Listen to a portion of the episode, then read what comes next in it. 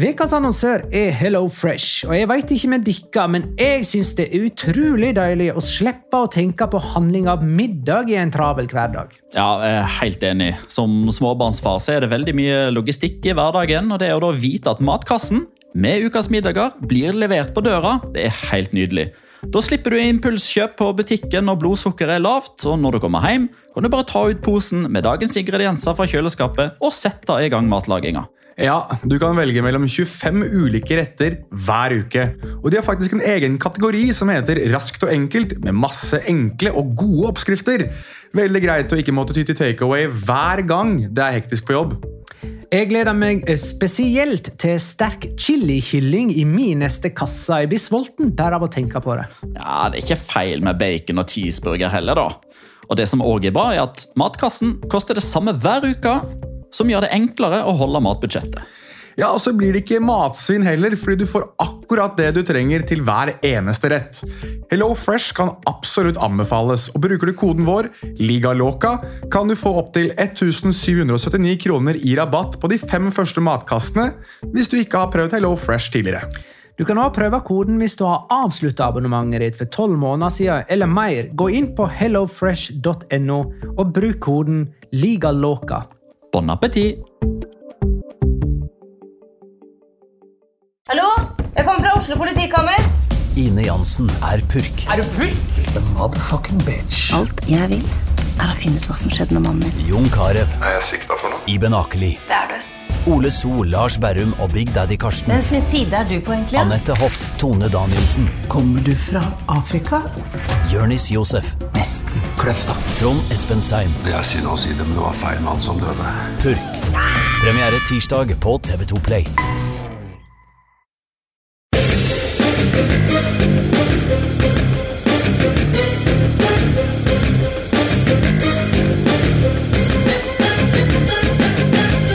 Har du sett? Først var det bare én reell tittelkandidat denne sesongen, da Atletico segla av gårde.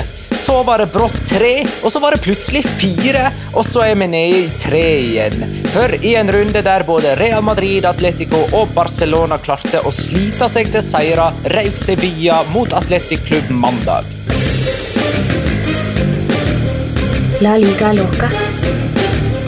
En litt gærnere fotball. Ja, ja, ja. Dette er episode nummer 100. Dette er La Liga Loca, episode 163 av det ordinære slaget med Petter Wæland i Spydeberg. Hei. Uh, hei, Magna. Det var viktig at du presiserte at det var La Liga Loca-episodenummer. Uh, jeg tror folk fortsatt er litt usikre etter den introen der. Ja. Jeg har en tendens til å gjenta meg sjøl veldig ofte, og må ikke slutte med det. Eh, Jeg pleier alltid å si La Liga Loca-episode og så nummer. og Det må jeg aldri gi meg på. Eh, Og med Jonas Giæver i Oslo sentrum, eh, hei. Hei, hei. Litt skuffet nå. Jeg var helt sikker på at jeg hadde spart inn introen min til min deltakelse i Mammapodden, så jeg får vel bare rette meg over til den podcasten jeg faktisk spiller inn i dag, som er da er La Liga Loca, ettersom Magna presiserte det, og heller gå for et godt gammeldags shalom in the home til alle dere som hører på. Fins det en mammapod? Vet du hva, Magnar? Jeg visste ikke, så jeg googla for typ fem sekunder siden, og det er visst en svensk pod som heter Mammapodden, så jeg er visst innafor her. Ah, så han er ikke i moderne medieparaplyen eh, enda, da. Eh, men det kommer sikkert snart en der òg, Eh, og det er eh, med meg, Magnar Kvalvik, på Bjerke. Hei. Hei, Magnar. Hei, Magnar. Hei. Terje B spør eh, For oss med korttidshukommelse, når var det sist så jævlig tett i en avslutning på La Liga, der fire lag potensielt kan bli seriemester fire runder før slutt? Herlig nerve. Eh, vel, nå er det vel faktisk 06-07-sesongen som på en måte blir eh, Ja, dette blir den tetteste sida da. Eh, for eh, da det gjenstår fire runder i 06-07, så var det fire poeng mellom topp fire. Real Madrid hadde 66, Barcelona hadde 66, Sevilla 64 og Valencia 62. Nå I år, med fire runder igjen, så er det seks poeng mellom topp fire, der Atletico har 76 og Sevilla på fjerde har 70. Vi har nettopp sett eh, Sevilla tape mot uh, Atletic Klubb. Er det noe dere har lyst til å skyte inn før jeg går i gang med runde 34 kamp for kamp? Nei, jeg regner med vi skal tilbake til Sevilla-kampen senere, da. Ja. Ja. Fyr løs, du. Da begynner vi å ta det kronologisk. Celta Vigo Levante 2-0. Det betyr to seire på rad for første gang i 2021 for Celta Vigo. De er på øvre halvdel nå med, sin, med en niendeplass. De har jo havna på nedre halvdel de siste fire sesongene og vært nær nedrykk de siste to. Eh, mens Levante de ga liksom opp de etter at de slo både Atletico og Real Madrid borte. Nå har de tapt seks av de siste sju seriekampene. Eibar Alaves 3-0, en helt nødvendig seier for bunnlaget Eibar, som er fem poeng fra trygg grunn. De hadde altså 16 seriekamper på rad uten seier, før Kikki Garcia fant det for godt og blir den første Eibar-spilleren med hat trick i Primera Divisjon. Ja, jeg vil egentlig bare stille spørsmål til Petter her. Er rundt øh, Hvor glad ble Petter for at Eibar slo Alaves? Vi vet jo alle at Petter har øh, vel egentlig hatt sånn drøm nå, i hvert fall de siste ti serierundene om at Alaves skulle gå på ti strake tap og da ta turen ned til Segunda. Øh, jeg ville tro at det var et par ordentlig store glis i løpet av den kampen her i Spydberg, Petter. Ja, jeg gliste av to forskjellige årsaker. Den generelle altoppslukende med at jeg ville ha det så jevnt som overhodet mulig alle bauger og kanter, tilsier jo at jeg skreik etter hjemmeseier i forkant. Og så dette laget fra Vitoria, hvis navn vi ikke nevner, vil jeg jo helst ha ned. Så det er helt riktig, Jonas. Det var et godt resultat. De er ett poeng over nedrykksstreken Alaves for øyeblikket. Enn så lenge enn så lenge. Elche Atletico 0-1. Det ble da altså tre poeng med et nødskrik for Atletico Madrid. Marcos Llorente ble matchvinner og sikra Atletico deres første borteseier siden februar. Atletico toppa altså La Liga, to poeng framfor Real Madrid og Barcelona, som Atletico møter på kamp nå til helga. Det blir mer om dette etterpå. Uesca Real Sociedad 1-0. Sandro Ramires sikra Uesca seier etter at de hadde tre strake tap. De er like under streken. Ett poeng har de opp til trygg grunn. Og her slo de altså laget som ligger på femteplass. Jeg blir like forbløffa hver gang jeg innser at Real Sociedad ligger så høyt på tabellen. De starta jo riktignok sesongen bra, med sju seire på de første ti. Nå har de sju seire på de siste 24. Jeg tror En av de tingene jeg liker med den kampen her, er, altså som jeg likte best med den kampen, her, var jo at akkurat Sandro, som ble da utslagsgivende, så er det jo litt sånn og Petter kommer sikkert til å ha mye meninger om dette, men om det er et selvmål, eller om det er Sandro som skårer det målet, eller vondt verre altså Sandro er involvert, og vi som husker da Sandro Ingen husker det kanskje, foruten oss tre, da, men altså Sandro var jo innom Real Sociedad på et tidspunkt. Um, og var jo egentlig en sånn uh, kall det sånn syndebukk nesten hele tiden for Real Sociedad i løpet av sitt uh, opphold der. og liksom sånn Har han her noen gang skåret et mål noen gang i sin karriere? var vel det som var gjennomklangsmelodien i La Real-klakken, og, og, da er det litt sånn Jeg blir litt sånn glad jeg da når det er han som er utslagsgivende her og egentlig sparker Real Sociedad greit eh, mellom beina og, og, viser at det bor fortsatt eh, en del fotball i han også. Så um, en seier for en form for underdog her da i Sandro Ramires. Ja, vi satt jo på uh, La Rosaleda og så uh, ja. Sandro Ramires herja for Malaga. Faen så god han var i den kampen her mot, mot, mot Sevilla. Sevilla. Ja. Mm. Uh, så, nei, så, det man husker best fra Sandro Ramires sin uh, noe uheldige opphold i San Sebastian, er jo den der fantastiske Jeg vet ikke om det fortsatt er en mime når det er eh, video. Jeg kan kanskje kalle det for en gif. Eh, når Han da, tror han er alene med keeper. Han alle fall en enormt god skåringsmulighet eh, der han eh, på et eller annet uforklarlig vis klarer å sparke hull i lufta. Eh, og På disse TV-bildene ser du noen som er fantastiske i videoredigering, som da først tar den der, du vet, når, det starter en film, så sitter det en sånn eh, figur eller noe sånt på månen med fiskestang.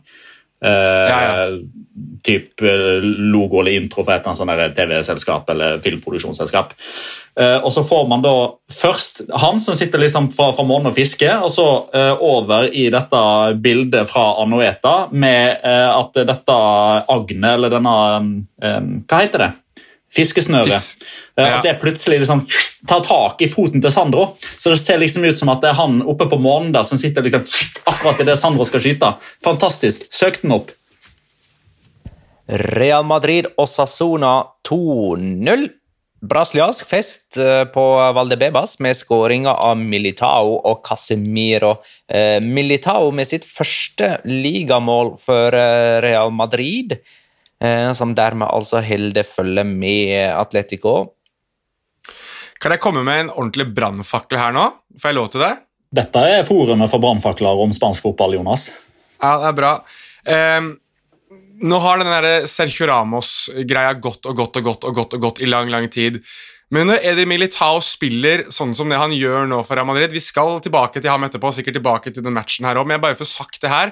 Men drit å dra Sergio Ramos. De trenger ikke han sånn som Eddie Militao holder på nå. For nå er han Nå begynner det å se ordentlig bra ut. altså. Dette her er eh, enormt eh, godt av Brasilian, Han gjør jo ikke noe feil nå. Og i tillegg til det så har han det med at han kan ta ballen ut. og altså han, nei, han ser helt komplett ut nå. Du vet at Sergio, Sergio Ramos har ikke hatt korona, han har ikke vært skada. Han har bare kledd seg ut, han.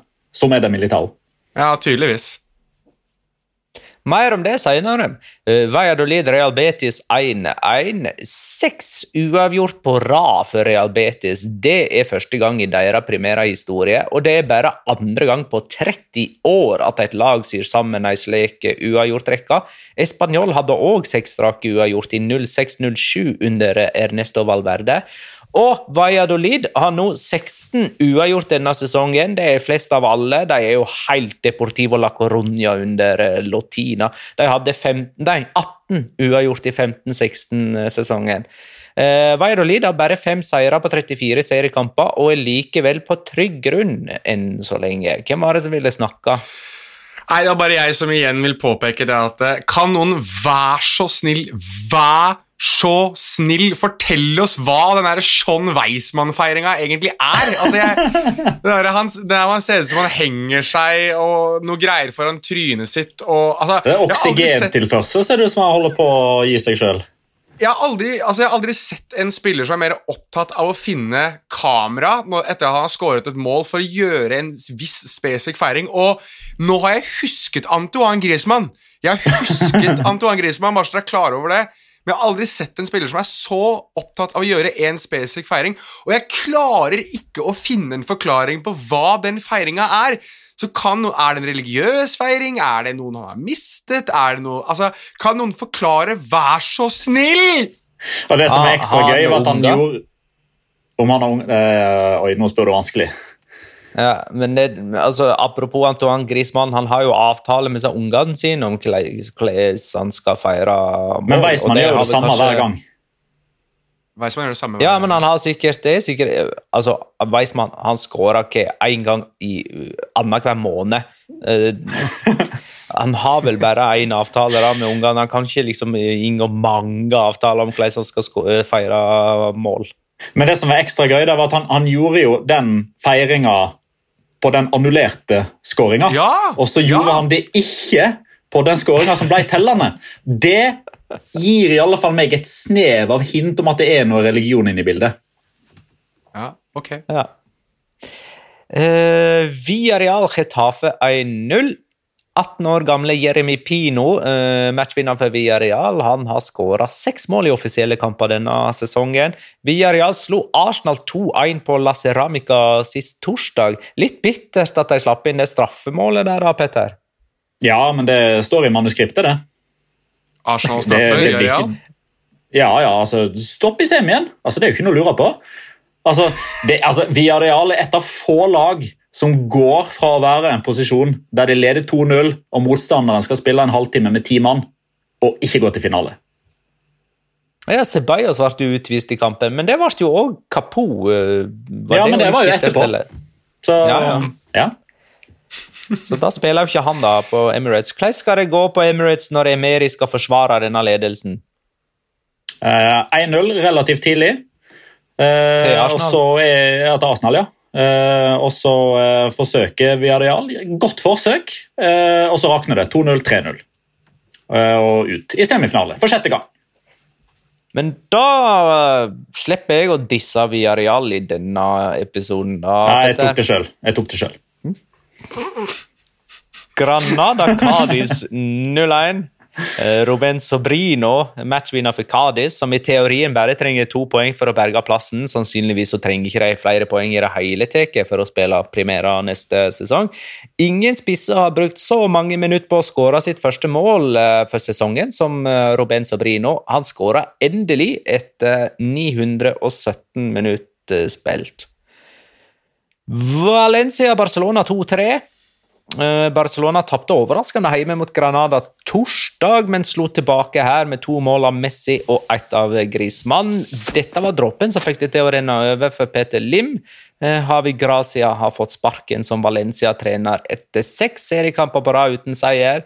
De er bare seks poeng over nedrykk, og det er ei luke på fire poeng opp til den ettertrakta tolvteplassen de jakter. Ja, og så er det jeg vet, Vi skal sikkert ikke innpå så mye mer på Valencia, så jeg kan jo ta det, da. At, eh, Skal vi ta For- det nå, da? Situasjonen Ja, altså- i Valencia? Mm. Ja, nei, Det bare å, å nevne hva som Altså Nå har de jo trykket på nødknappen som de gjør eh, jeg holdt på å si nesten en gang i året ved å ansette Voro som midlertidig trener igjen. Altså det er jo Du vet at det er ordentlig krise i Valencia når Voro skal dyttes inn som midlertidig Altså Når han tar den jobben for sjette gang nå som midlertidig trener, så vet du at da er sound the alarm helt eh, aktuelt på Mestalla igjen. og Altså, Jeg tror ikke du finner en type jeg, med større hjerte for en så bedriten fotballklubb som det Våro har for Valencia. Fy faen, Den der klubben der Det er nesten så du får lyst til at de skal rykke ned og bare sånn Vær så snill, start på nytt igjen. ass. Fordi det er altså så mye dritt og møkk og elendighet i den klubben der nå. At, eh, og i, I tillegg, da, altså Javi Gracia gjorde jo ikke noen sånn enormt god jobb etter hvert, men hva faen hadde han å rutte med til slutt der, da? Altså det var, det var dårlig teglstein og eh, utgått mørtel, og det var piss og faenskap og elendighet, ass. Så det Nei, Petter, før jeg snakker meg helt bort, så får du ta over her. Ja, men jeg skal, jeg skal viderebringe et spørsmål som jeg fikk på Twitter tidligere i dag, fra at supergeir77. Eh, Er Vårå spansk fotball sitt svar på Bent Leikvoll? Veldig bra. Eh, Nei, jeg vet ikke helt om, om det er helt der, men, eh, men jeg vil i hvert fall si at Altså, jeg klarer ikke å, å, å forklare egentlig hvor Altså, Den mannen der må ha så mye tålmodighet at det er helt latterlig. At ikke han, at ikke han skjønner det. holdt jeg på å si, at Han kommer jo aldri til å få jobben permanent, fordi Hvorfor skulle han få det? Han lar seg jo tråkke på holdt jeg på å si, når det kommer en ny ung, frisk uh, manager. Hei, hei, Gary Neville, liksom. Det er eh, Til og med han har fått jobb før vår og fikk den permanent, og da ville han jo ha den permanent den gang, og han har jo uttalt tidligere at uh, han gjerne vil ha den jobben permanent, men han lar seg jo selv bare gå tilbake igjen til de gamle rollene han har hatt, liksom, så Nei, jeg eh, skal ikke gå noe mer inn på det. Det, altså, kommer til å bli mye mer Valencia-hyling utover eh, i sesongen, det er jeg ganske sikker på, så vi skal gå videre der, Magnar. Det er mye som minner om nissene på låven i dagens Valencia-situasjon. Eh, Sevilla Athletic 0-1.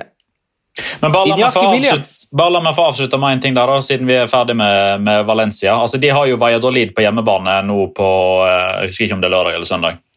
Eh, og, ja, søndag. Eh, og Den er jo interessant i seg selv pga. at Valladolid er et av de lagene som kan sørge for at Valencia virkelig havner i nedrykksgjørma med begge beina. Men det som også er forskjellen her, det er jo at Valencia uh, Ja, man kan mene mye om både ansettelsen av Havi Gracia i sin tid, at han får sparken først nå, at han får sparken nå, men Valencia viser jo i hvert fall tegn til handling i motsetning til motstanderen som de møter på søndag, der Sergio Gonzales helt åpenbart har et eller annet på Ronaldo. Helt åpenbart! Hvordan han mannen fortsatt kan gå rundt og være eh, sint og sur og sutrete på sidelinja der etter hva da, to seire på 72 kamper. Altså, Han har et eller annet på fenomenet, altså. Um, ja, Valladolid er jo òg poenget over streken og møter altså Valencia. og For et par år siden så ble jo Valladolid eh, mistenkt for å legge seg i en kamp mot eh, Valencia. Jeg, eh, det blir interessant å se om de gjentar den bedriften med dagens ståa. Ok, Sevilla Athletic 0. 1. Inyaki Williams matchvinner i det 90. minuttet for Atletic. Eh, ingen har skåra flere mål enn Sevilla i løpet av kampene siste kvarter, men her fikk de altså smake sin egen eh, medisin. Eh, og da har jeg meldt Sevilla ut av tittelkampen. De skal jo møte Real Madrid til helga. Altså, det, det, det er én mulig inngang igjen her. Det kommer jo ikke til å skje, men det, det er en mulig inngang igjen her. Altså Hvis vi om ei uke kan sitte og snakke om et uavgjort resultat i Barca, Atletico og Sevilla slått Real Madrid, da kan vi si sånn Ok, det, det er moro for det igjen, men det, det skjer jo ikke. Nei, for å, for å, sitere Petter uh, litt tidligere i dag. Snipp, snapp, snute, og så var det titteleventyret ute for Sevilla sin del. Det var uh, Altså, At det holdt i 34 serierunder, er jo en bragd i seg selv, da, men uh, Men nei, altså jeg må jo få sagt det, da, at, at, at, Marcelino får muligheten til å stikke kjepper i hjulene for en av de der fire der oppe, det tror jeg han syns er vitterlig moro. For jeg kan forestille meg at han er en kar som egentlig syns det er nesten mer gøy å ødelegge for andre enn det det er å vinne selv. Uh, I hvert fall slik situasjonen har blitt med ham etter Valencia. Han virker jo nesten som han fryder, frydes mer over sånne ting. Uh, han har slått alle fire, altså, han nå i 2021. Han har det, og, men altså, den som vinner den kampen her for uh, altså for Atletic i mine øyne, er Unai Simon. Fordi de to redningene, spesielt den ene redningen på den headingen fra Josef Nesiri, er, er forklaringen på hvorfor han er Spanias nummer én, da, for å si det sånn. Ja. Jeg bare syns det, det, det, er så dumt. Altså, jeg syns Monchi eh, tar tapet med, med fatning ut ifra hvordan han eh, skriver på Twitter osv. Eh, han har jo alltid den der eh, nedenifra og opp-varianten, og vi er underdogs og uh, vi er fornøyd så lenge vi plager de som er større enn oss. Så det ligger jo kanskje noe implisitt kritikk der mot, mot, dommeren. Jeg bare syns det er så Kan du ikke bare gå fra tittelkampen med heva hodet da, Loppetegi? I stedet for å holde på med de greiene du holder på etter kamp. Og Da tenker jeg på at han snakker om en, en straffesituasjon som han mener er klink, Eh, som dommer ikke mener er klink, som VAR mener ikke er klink, som dommereksperter rundt om mener er klink, som alle som etter hvert nå har begynt å skjønne hands-regelen, skjønner ikke er klink. Eh, og protesterer på seg i sitt femte gule for sesongen etter at kampen er ferdig, og får ikke lede laget på Valdebebas mot Real Madrid på, på søndag. Altså, eh, ja Nei, det Skjerp deg, Loppetegi. Ja, Eh, Jan André Meraz Hagen skriver hvem er årets mest positive overraskelse på lagsida? Hvilken prestasjon er størst med tanke på utgangspunkt? Og der er jo egentlig er ikke Sevilla oppe i den diskusjonen der, da. Jo, jeg har, ja, jeg har Sevilla og, og, Granada. Det er de to jeg har som har imponert meg mest. Begge lag fra Andalusia, for så vidt òg. Litt sånn moro, det, men, men uh, at Sevilla ender som nummer fire, det som ser ut til å bli tilfellet, det er jeg egentlig ikke så veldig overrasket over. Men at de har ligget og utfordret for en tittel så lenge som de har gjort, det er vel det som er den store overraskelsen. Altså at uh, Granada ligger i, i, snakkende stund på åttendeplass etter 34 serierunder, anser jeg derfor som en større bragd sett under ett. Uh, I det at uh, jeg hadde ikke forventa at de skulle være så høyt på tabellen. Men hvis du går åpenbart inn i materien, så vil jeg si at Sevilla sin bragd er større. Men, men det kommer litt an på øyet som ser og øret som hører. Jeg vil ha med Kadis i den uh, miksen der. Jeg. Ja, jeg ser det nå. Jeg ser det nå. Ja. Men Sevilla med um, poengrekord, vel. Og De, ja, de setter nok rekord. Lurer på om rekorden er 76. Jeg. Nå har de jo fire Ah, ja. kamper på seg til å ta seks poeng. Det, de møter jo Villarreal, blant annet, så det skal gå fint. Og Granada, som altså kom til kvartfinale i Europaliga og uh, ligger på åttendeplass i uh, La Liga. Og ja, det var, var ikke de i kvartfinalen i Copa del Rey òg? Bare noen sekunder unna en semifinale der. Du, du har vel det Jo, de møtte Barcelona. Mm, stemmer det. Eh, det er en interessant en her fra SMH. Hvordan blir det med premiepenger til Sevilla dersom de ender som 1, 2 eller 3 kontra 4? Eh, er de pengene liksom fordelt allerede eh, til fordel for de tre store, eller får de eh, masse cash inn på en tredje eller en andreplass, liksom? De, altså, jo høyere på tabellen du kommer, jo mer får du i såkalte premiepenger, som jo er 25% av den totale TV-avtalen. Eh, om det er så voldsomt stor forskjell på om du blir tre eller fire, er jeg litt usikker på. Men altså, i det store og det hele, da ender du topp fire, så tjener du graps med penger uansett fordi du kvalifiserer deg til Champions League, og det er jo der de virkelige pengene ligger. Eh, forskjellen på om du blir én eller fire er ikke så stor i penger i seg sjøl, men det er jo stor i form av at du blir mer attraktiv. Det er lettere. La oss si at Sevilla hadde vunnet La Liga denne sesongen, da, så hadde det vært lettere for de å hente spillere som gjerne da ville spilt for regjerende mester i La Liga kontra et lag som ble nummer fire. Jeg bare lurer på likevel, og det er helt greit om du ikke vet svaret, om f.eks. Sevilla blir nummer tre og Barcelona nummer fire, får Sevilla da mer penger enn Barcelona av La Liga? Ikke totalt, det gjør de ikke. Men de får mer enn hva de ville fått ellers. Altså, Ja. det, jo, jo, jo, men altså, TV-avtalen er 100% totalt. Eh, 50 blir eh, split equally, alle får likt.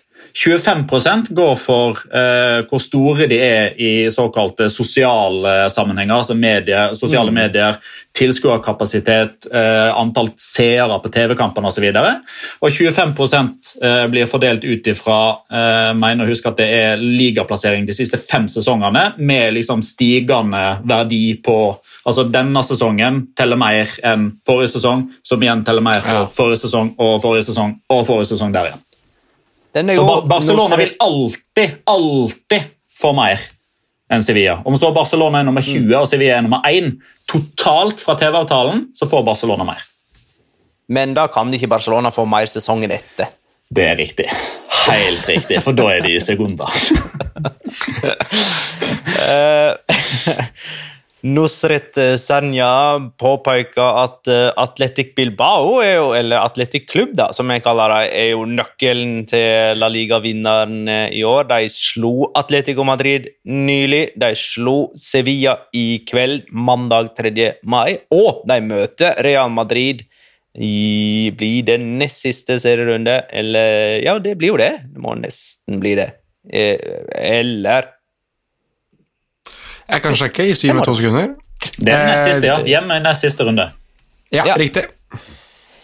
Eh, Real Madrid, eh, for å snakke litt om dem, da. Det er altså Sevilla sin neste motstander. De spiller søndag klokka 21.00. Real Madrid de slo Osasona med 2-0. Roterte jo litt her, da, og starta bl.a. med sånne som Eden Hazard, sånn at nøkkelspillere kunne hvile før returmøtet med Chelsea på eh, onsdag. Denne seieren kom jo seint, men godt, eller disse to målene. Første mål kom jo kvarteret før eh, slutt, men det lå kanskje i kortet. Ja, jeg, jeg synes uh, dette var en gjennomført kamp av Real Madrid. Altså, De mal, maler og maler og maler og maler og forsøker og forsøker. og forsøker.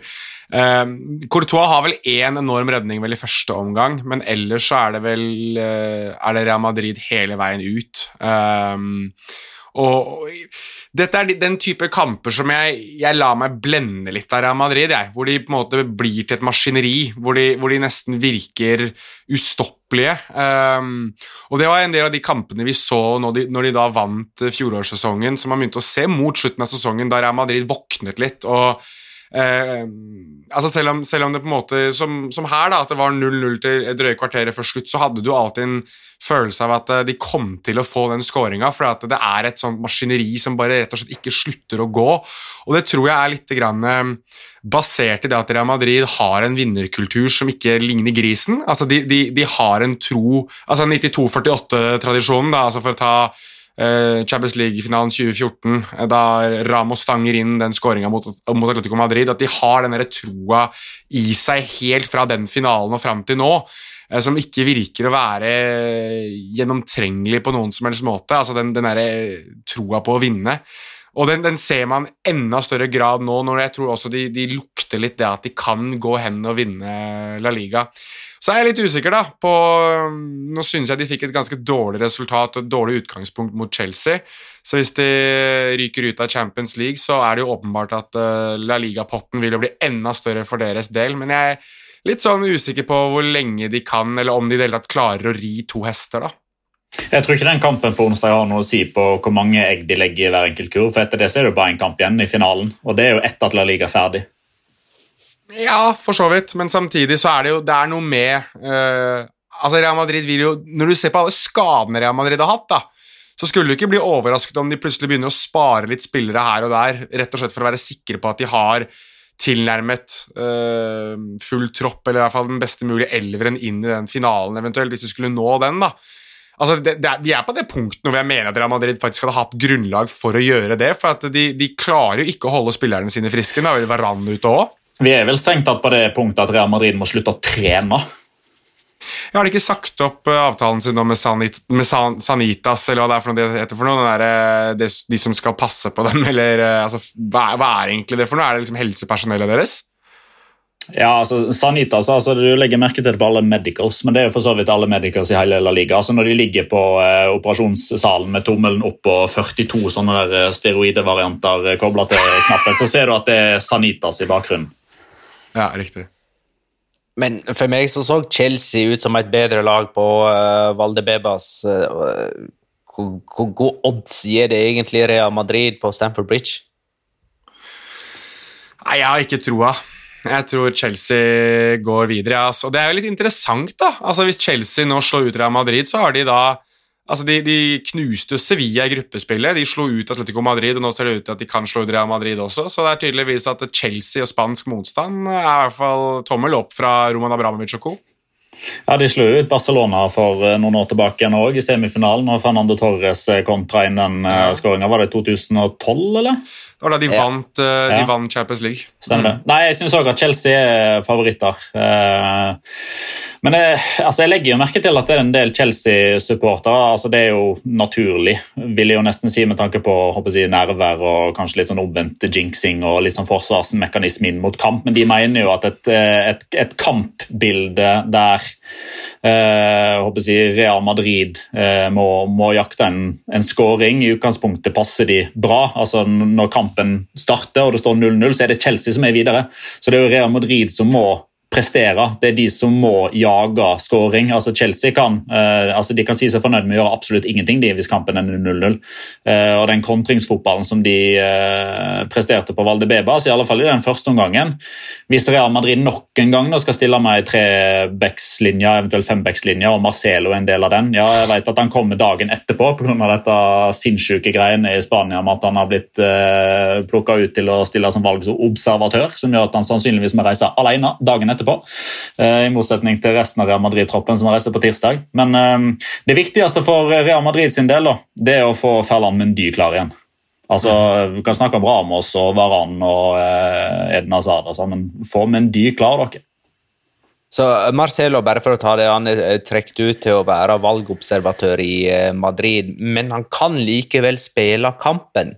Ja, han kan eh, Hvis de finner en trygg nok eh, måte å gjøre det på innenfor koronarestriksjoner og får det godkjent av Uefa, så kan Marcelo reise alene eh, på kampdag. Det kan han. Men han kan ikke reise sammen med resten av Real Madrid-troppen, som kommer til å reise da senere i dag, tirsdag. Eh, og så har Militao stått fram eh, i det siste. Nå er Varan ute, men det virker jo så alltid når noen eh, går ut med skade i Real Madrid, så er det noen andre som står fram og i alle fall tar forsvarsjobben. Nacho Fernandes har jo vært helt konge denne sesongen. Han kan spille på alle plasser i det forsvaret. Lucas Vasques, som var en ferdig kantspiller, har jo fått nytt liv som høyre back. Nå er han riktignok ferdig der òg, iallfall for denne eh, sesongen. Men det virker jo som uansett hvem som er skada, så får det jo alltid noen inn til å gjøre en solid jobb i forsvar. Så det er jo ikke der skoen trykker, virker det som. Jonas?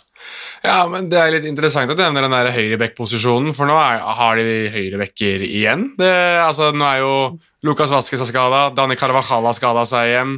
Uh, Valverde er vel ute med covid-19, er han ikke det fortsatt? da? Så det er liksom Hvem skal spille høyre back til slutt? Er Nacho ut, da? Og, altså, Val Valver Valverde er jo muligens klar igjen. Hvis han, uh, hvis han tester negativt før avreise, så er han klar ja. igjen. Men uh, du glemmer jo mannen vi kåra til La Liga Locas gjennombrudd når vi traff han på Lerkendal i Trondheim da, i 2018. Jonas. Det er greit at han var dårlig, men han er fortsatt der.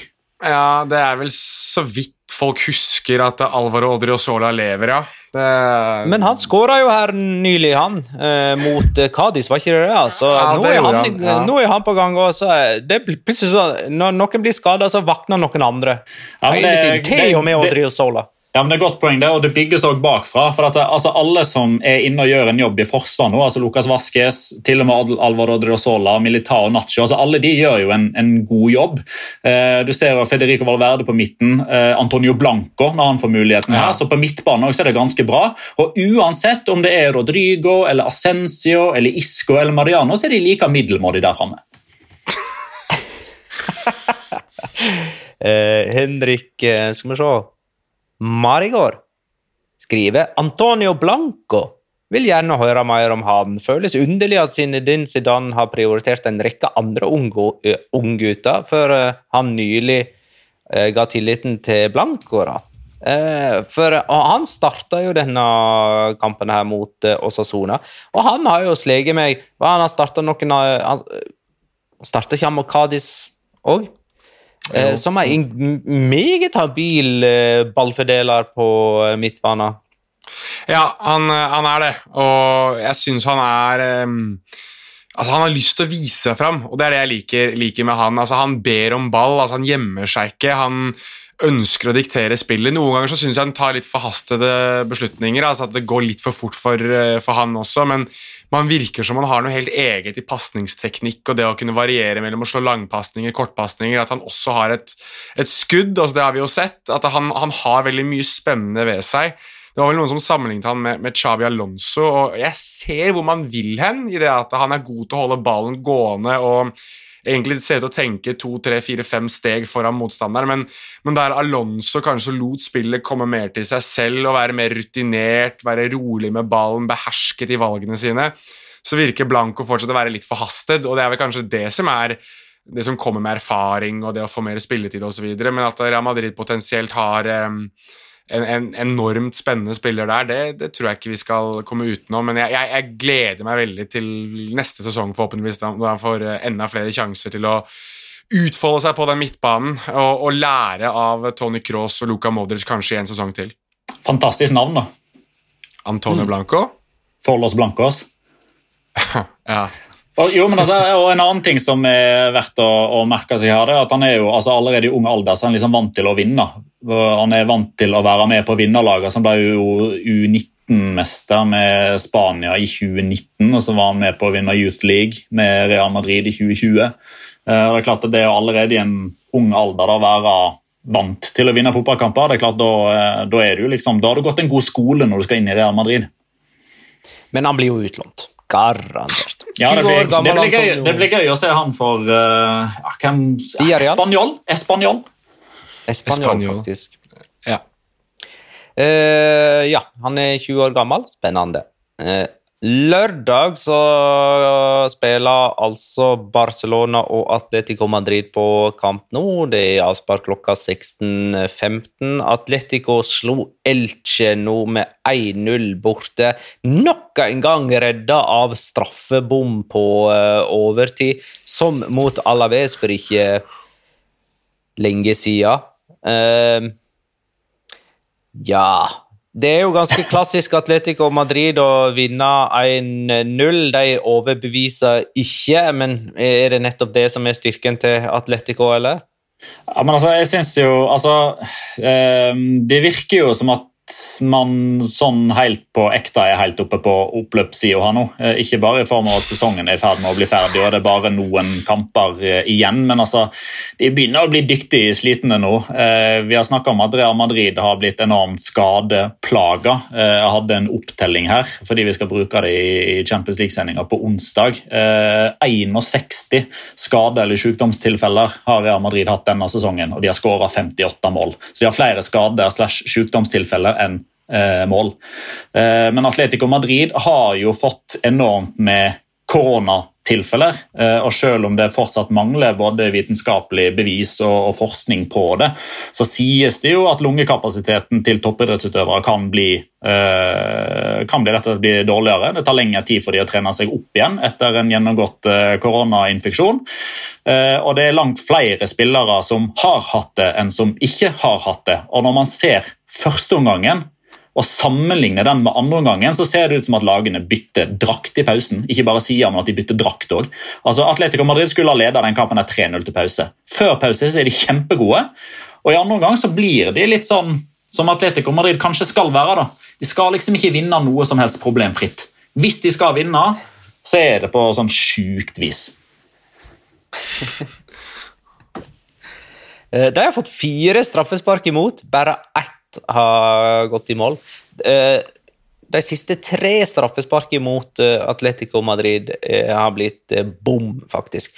Og så har de skåra Det er jo litt fascinerende. da, De har skåra det første målet 21 ganger denne sesongen og vunnet 19 av de kampene.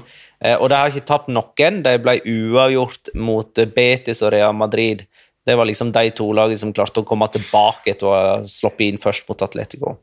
Men er ikke det Atletico Madrid som vinner ligaen, da?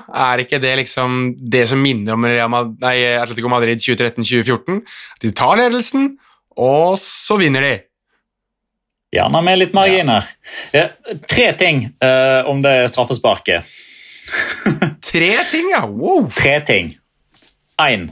Uh, ja. Det var veldig mange som spurte om det. Jeg ser at det er veldig mange sånne der, uh, R Madrid Info og Blanco Zone og Gerard Romero og eh, Barca Han beklaget seg. Og, jo, jo, han men han, jo, jo, men han sletta ikke tweeten. Den ligger der fortsatt. så Folk som ikke okay. ser den andre beklagelsen, driver jo fortsatt og tror at det straffesparket skulle blitt tatt om igjen på bakgrunn av at Oblak forlater streken med begge beina. Men det har ingenting å si hvis straffen går utenfor eller i stolpen og keeperen dermed ikke er en direkte involvert part i at straffesparket blir bomma. Eh, og så var det liksom del to av den. Ja, det er spillere fra begge eh, leirer inne i straffefeltet når straffesparket ble tatt. På samme måte som det var det i Valencia Real Madrid i oktober. og Da ble straffesparket tatt på nytt igjen. Men det ble tatt på nytt igjen pga. at Jonas Mosa, som var en av de som løp for tidlig inn, ble direkte involvert, for han satte returen retur nummer to i mål. Mens i dette tilfellet her så går straffesparket i stolpen, og så blir ballen plukka opp igjen utenfor 16-meteren i venstre sonekorridor. Altså, spilleren som plukket den opp, Victor Rodriguez, er ikke direkte involvert i det. og får ikke noe han, får, han, oppnår ikke noe fordel av å løpe for tidlig inn i feltet fordi han henter ballen utenfor feltet. Derfor er det helt riktig at det straffesparket ikke skal tas om igjen. Det straffesparket gikk i stolpen. Det var det eneste stolpetreffet i hele serierunden. Vi skal tilbake igjen til jeg lurer på om det var 18. serierunde i 2017-2018 for å finne færre stolpetreff. Altså en serierunde uten stolpetreff. Stolp, ja, Straffen ikke i stolpen. Og eh, hilsen Mr. Chip. For første gang siden 1985 så gikk et straffespark mot Atletico Madrid i stolpen. Oi. Det er ganske sjukt, det. Det er 36 ja. år siden, det. Det lukter litt gull, gjør det ikke det? Ja, det er vel, som, eh, det er vel sånn det har blitt, ja. Men om uh, Atletico Madrid har vært litt sånn vanskelig å beregne i det siste med ujevne resultat, så har jo faktisk Barcelona òg begynt å bli litt uberegnelige, sånn som f.eks. med det tapet de hadde hjemme mot uh, Granada. Men de slo tilbake altså mot Valencia på Mestalla. Messi bomma på straffe og skåra på frispark. Det er jo egentlig sånn vi har blitt kjent med han de siste årene, selv om han ikke har vært helt seg sjøl på frisparkfronten. Jeg begynte jo til og med under kommenteringen å etterlyse en ny frisparkskytter etter at han har bomma en god del i det siste. Men så, så, tok han altså et frispark og sendte det i stolpen og inn. jeg kommer komme med en statistikk. Han har bomma på 13 straffespark. Dette var Mr. Chip. Nei, det var, det var Pedrito Numeros. han har bomma på 13 straffespark i Primera Messi. Eh, og det er bare Ugo Sanchez som har bomma på flere. Oi. Og så lå de jo under mot Valencia og snudde. Og det var femte gangen Barcelona snudde en kamp denne sesongen. Det er flest av alle. Er det litt sånn første målet vinner, eller i Barcelona Atletico Madrid? Det er ikke ofte Atletico snur kamper. Nei, det kan jo fort uh, Skal vi satse på at uh, Ja, hvis vi tar en kjapp titt, da uh, Skal vi si noe sånt som at f.eks. José Maria Jiménez stanger inn 1-0, og så ja, Hvem er det som er fra Sør-Amerika som spiller for Barcelona, som ikke er argentiner? Er det, noen, det er ikke noen chilenere igjen der, er det det? Så du har ikke noe Alexis Sanchez-variant, men jeg tenker vi skulle snu litt på rollene da, istedenfor, for det var jo Alexis Sanchez som banka ballen i mål for uh, Barcelona i 2014, og så var det jo Godin som stanga inn utligningen som ga Barcelona, nei, ga Atletico Madrid seriegullet. Så jeg prøver nå å finne den andre veien, da, der det faktisk blir uh, da Jimenez som da spiller Godin-rollen, ettersom de begge er uruguayanere, som da gir Atletico Madrid-ledelsen, mens det er en eller annen søramerikaner som uh, for, for, Barcelona som gjør at de vinner. Ja, men skal jeg, si, skal jeg si Ronald Araujo, da? Vær så god. Da har vi, da har vi to uruguayanere. Da går jeg for ja. den istedenfor, så blir det 1-1. Ja, og plot twist. Søramerikaneren som vinner på dette, her er jo Casemiro, som blir matchvinner dagen etterpå for Real Madrid, som overtar tabelltoppen. Ja, der har vi det. Yes, da har vi La Liga. Vær så god. ja. Her noe de vil si om Barcelona-Valencia, eller omvendt. da.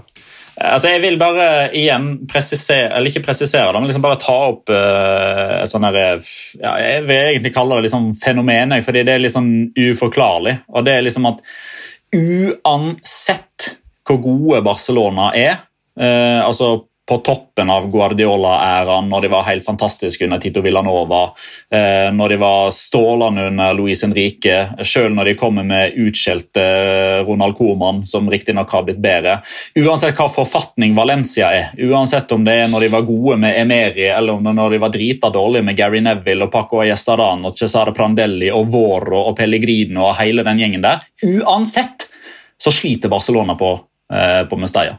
Vi må tilbake til 2007-2008-sesongen. Det var forrige gang Barcelona-supporter kunne sitte og faktisk slappe av under en bortekamp mot Valencia.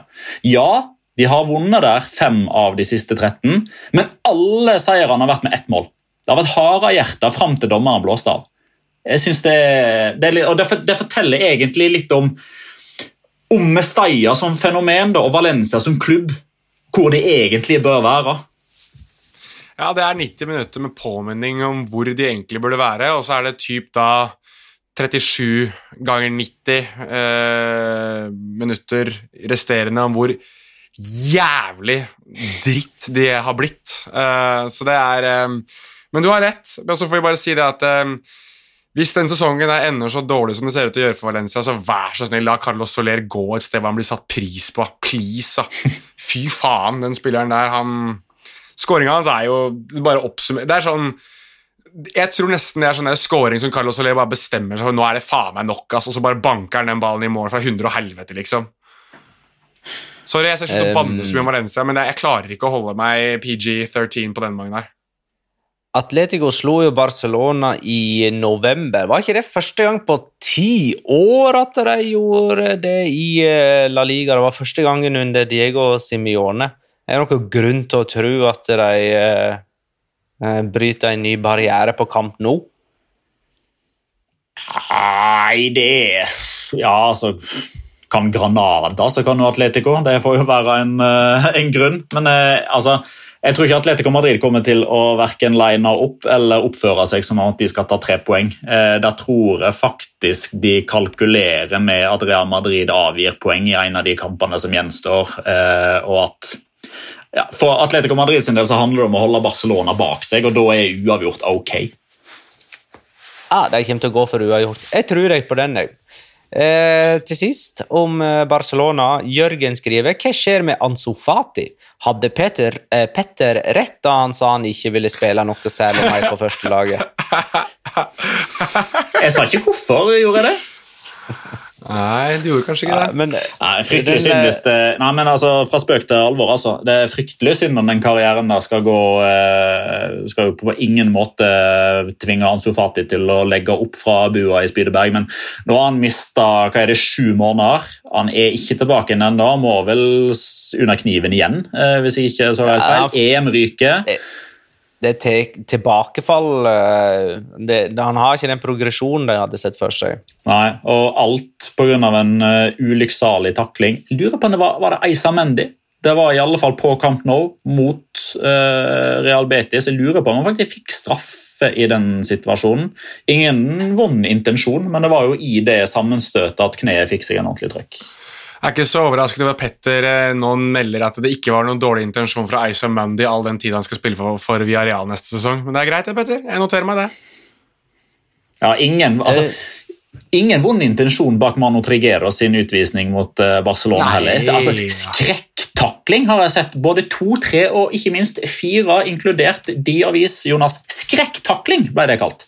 Da må du se den videoen som er laget, der jeg faktisk forsvarer Mano Trigero også. Så må du slutte slutte å mene at jeg er den som lager uh, Manu Tregeros propaganda? Styrer ikke du desken, altså? Nei, Fronten, mener jeg?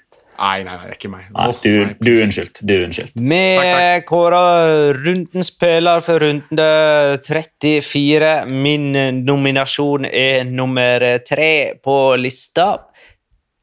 Jeg var oh, yes. kanskje ikke kjempegod Men eh, jeg eh, vil løfte fram Jeffrey Condogbia, eh, som signerte for Atletico fra Valencia i oktober, og fikk ikke starta en eneste seriekamp før i februar, og har fått 17 innhopp siden overgangen. Mot Elche så fikk han eh, starta for første gang på to og en halv måned, og spilte så solid at Simione takka han for tålmodigheten på pressekonferansen etter kampen. Og jeg syns faktisk at Kondobia var såpass god at jeg nesten lurer på om han kan være et bedre alternativ på midtbane mot Barcelona enn f.eks. sånne som Saul, som ikke imponerer meg eh, i disse dager. Så jeg blir nesten litt sånn Eh, det blir spennende å se den lagoppstillingen. Hvem er nummer to, da?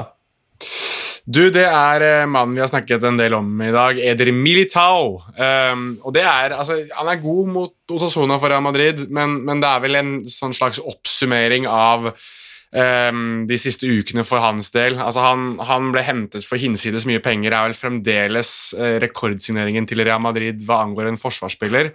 Um, og har ikke lignet det i det hele tatt. Altså, det er mange Real Madrid-supportere som har og egentlig fotballsupportere fotballkjennere generelt som har liksom stilt spørsmål om hvorfor har blitt, han blitt hentet, og om han kommer til å bli en sånn fiaskosignering som han kommer til å snakke om som en av de største bomkjøpene i, i Real Madrids historie. Um, det kan jo fremdeles skje, det, men, men, det han viser nå, er prov på at det bor en verdensklassestopper i ham, og jeg går tilbake til det jeg sa innledningsvis i episoden hvis han spiller sånn som det her og fortsetter, og dette her er på en måte eh, beviset for det som kommer til å være hans framtid i Real Madrid, så kan Sergio Ramos ryke og reise, for da trenger de han virkelig ikke. Det Edi Militao gjør nå, det er verdensklasse vel så det, og jeg kan virkelig ikke se for meg at Sergio Ramos blir savnet verken på Valdebebas eller Santiago Bernabeu de neste årene hvis han skal fortsette sånn. Og førsteplassen, det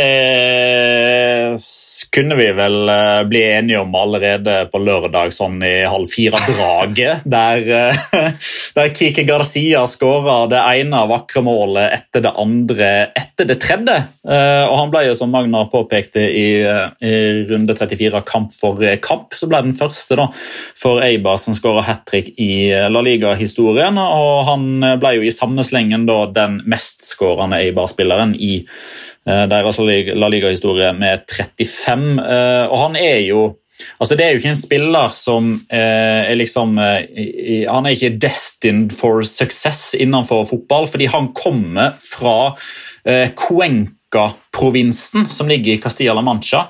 Og Jeg så en sånn oversikt her forleden at bortsett fra Extremadura som altså er så dårlig i fotball. Eh, det er den regionen som ligger vest for Madrid. Altså, den eh, regionen er så dårlig i fotball at den teller ikke. Det, det er typ Utsira i Norge i fotballsammenheng. Eh, men Cuenca eh, La oss si at det er Kongsberg. da. Kongsberg, Lillehammer, Arendal. altså Det er typ så underpresterende. Og der er han ifra! Eh, så da gir vi han litt ekstra kjærlighet. All right. Kikki Garcia, runden spiller. Da er det tid for Locora! Ukens La Liga Locura. Locura. Locura. Locura. La Liga Locura. Jeg gir først første ord til Jonas.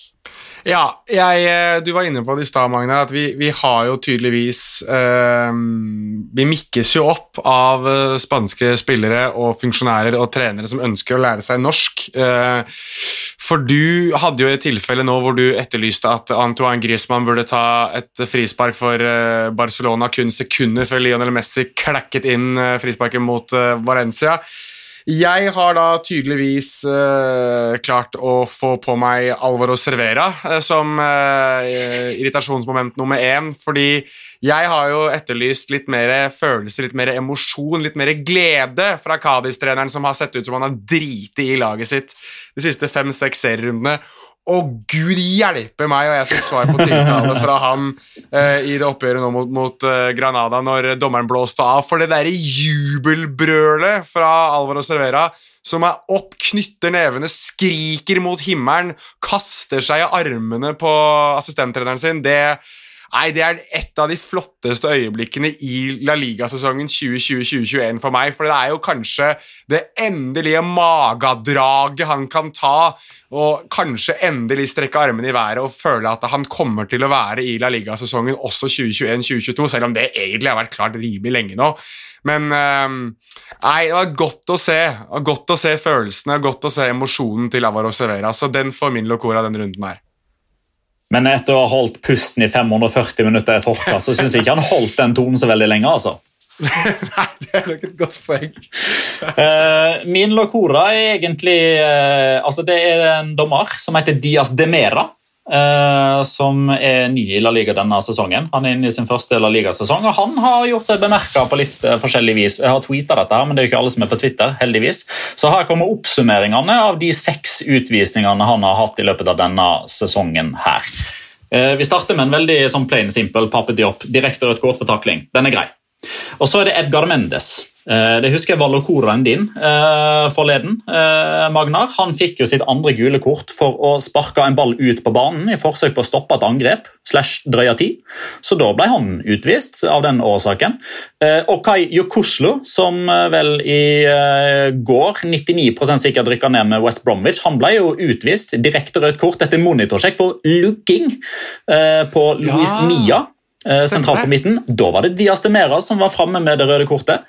Uh, Inigo Martinez han er den eneste spilleren som har blitt utvist etter kampslutt. Han er den eneste gjennom historien i La Liga som har blitt utvist etter kampslutt etter monitorsjekk. For VAR uh, så at Inigo Martinez da hadde vært oppe med uh, høyreneven i ansiktet til Sergio León etter kampen. Hvem var dommer i den kampen? Jo, det var Dias de Mera. Manu Garcia, Alaves mot Cádiz opp i duell i det 80. minutt med albuen. Gult kort, frispark. Frisparket slås inn mot 16-meteren. Rett utenfor 16-meteren så går Manu Garcia opp i duell med albuen. Andre gule for nøyaktig det samme i løpet av 30 sekunder av Diaz de Mera. Og hva skjedde på søndag? Jo, Roberto Soldado gult, gult, rødt i løpet av to sekunder. Så dette her er en type som vi skal følge med på i år. Fantastisk. Apropos eh, røde kort, vi har jo snakka mye om Retafe og røde kort. Jeg kommer fram til, jeg mener jeg tok det i en episode, at det blir rødt kort i en eh, Retafe-kamp. Altså hver tredje Retafe-kamp blir det rødt kort. Enten til Retafe eller til motstanderen.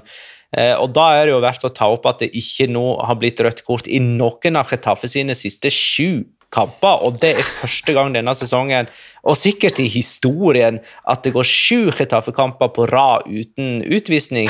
Og som om ikke det var nok, så spilte de jo nylig en hel kamp uten å få gull en gang. på kamp nå mot Barcelona for halvannen uke siden var det bare én spiller som fikk gult kort, og det var Clement Longlais. Eh, og I den kampen slapp Chetafi inn fem mål, skåra latterlige sjølmål og lagde latterlige straffespark.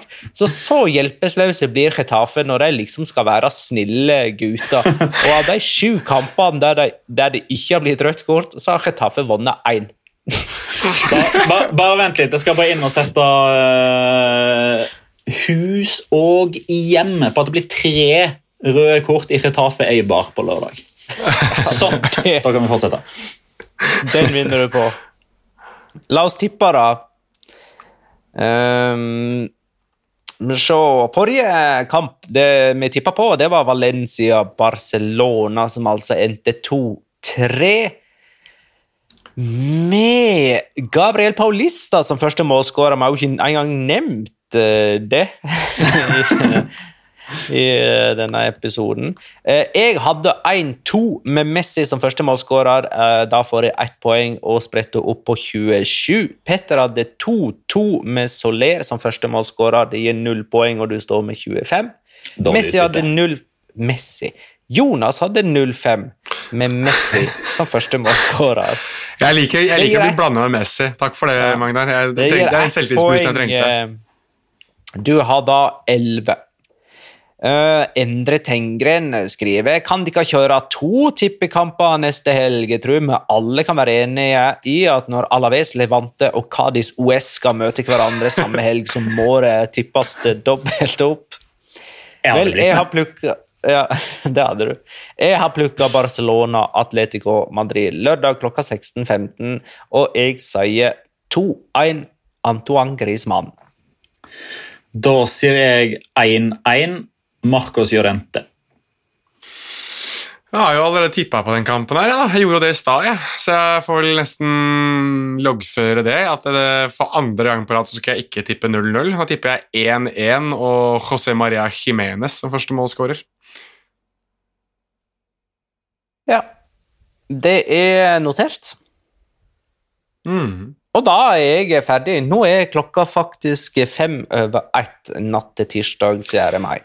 Altså, Jeg vil jo få sagt det, at det, det, skal ikke stå på dedikasjon og lidenskap når vi uh, blir enige om at vi skal gå nesten rett i bua holdt jeg på å si, og spille inn like etter at Sevilla har tapt mot Atletic, og egentlig det derre eventyret som vi skulle utbrodert om nå, er dødt. Og vi fortsatt sitter og snakker i godt og vel en time om, uh, om dette. Ja, kanskje ikke godt og vel, men i hvert fall rundt en time om dette. Uh, og jeg kommer direkte fra jobb, og dere har vel egentlig bare sittet og ventet på at jeg skulle komme direkte fra jobb, så dere kunne spille inn dette. Så til alle lytterne, vi, vi, vi er veldig glad i dere. Vi er det. Og så skal jeg på jobb om sju timer. Så jeg tror jeg takker for meg nå. Ja, jeg skal stå opp med unger om seks timer, så jeg er først. Den er god. Greit. Eh, da takker vi for alle innspill og spørsmål vi har fått i denne episoden. Tusen takk for at du lytta, kjære lytter. Ha det, da.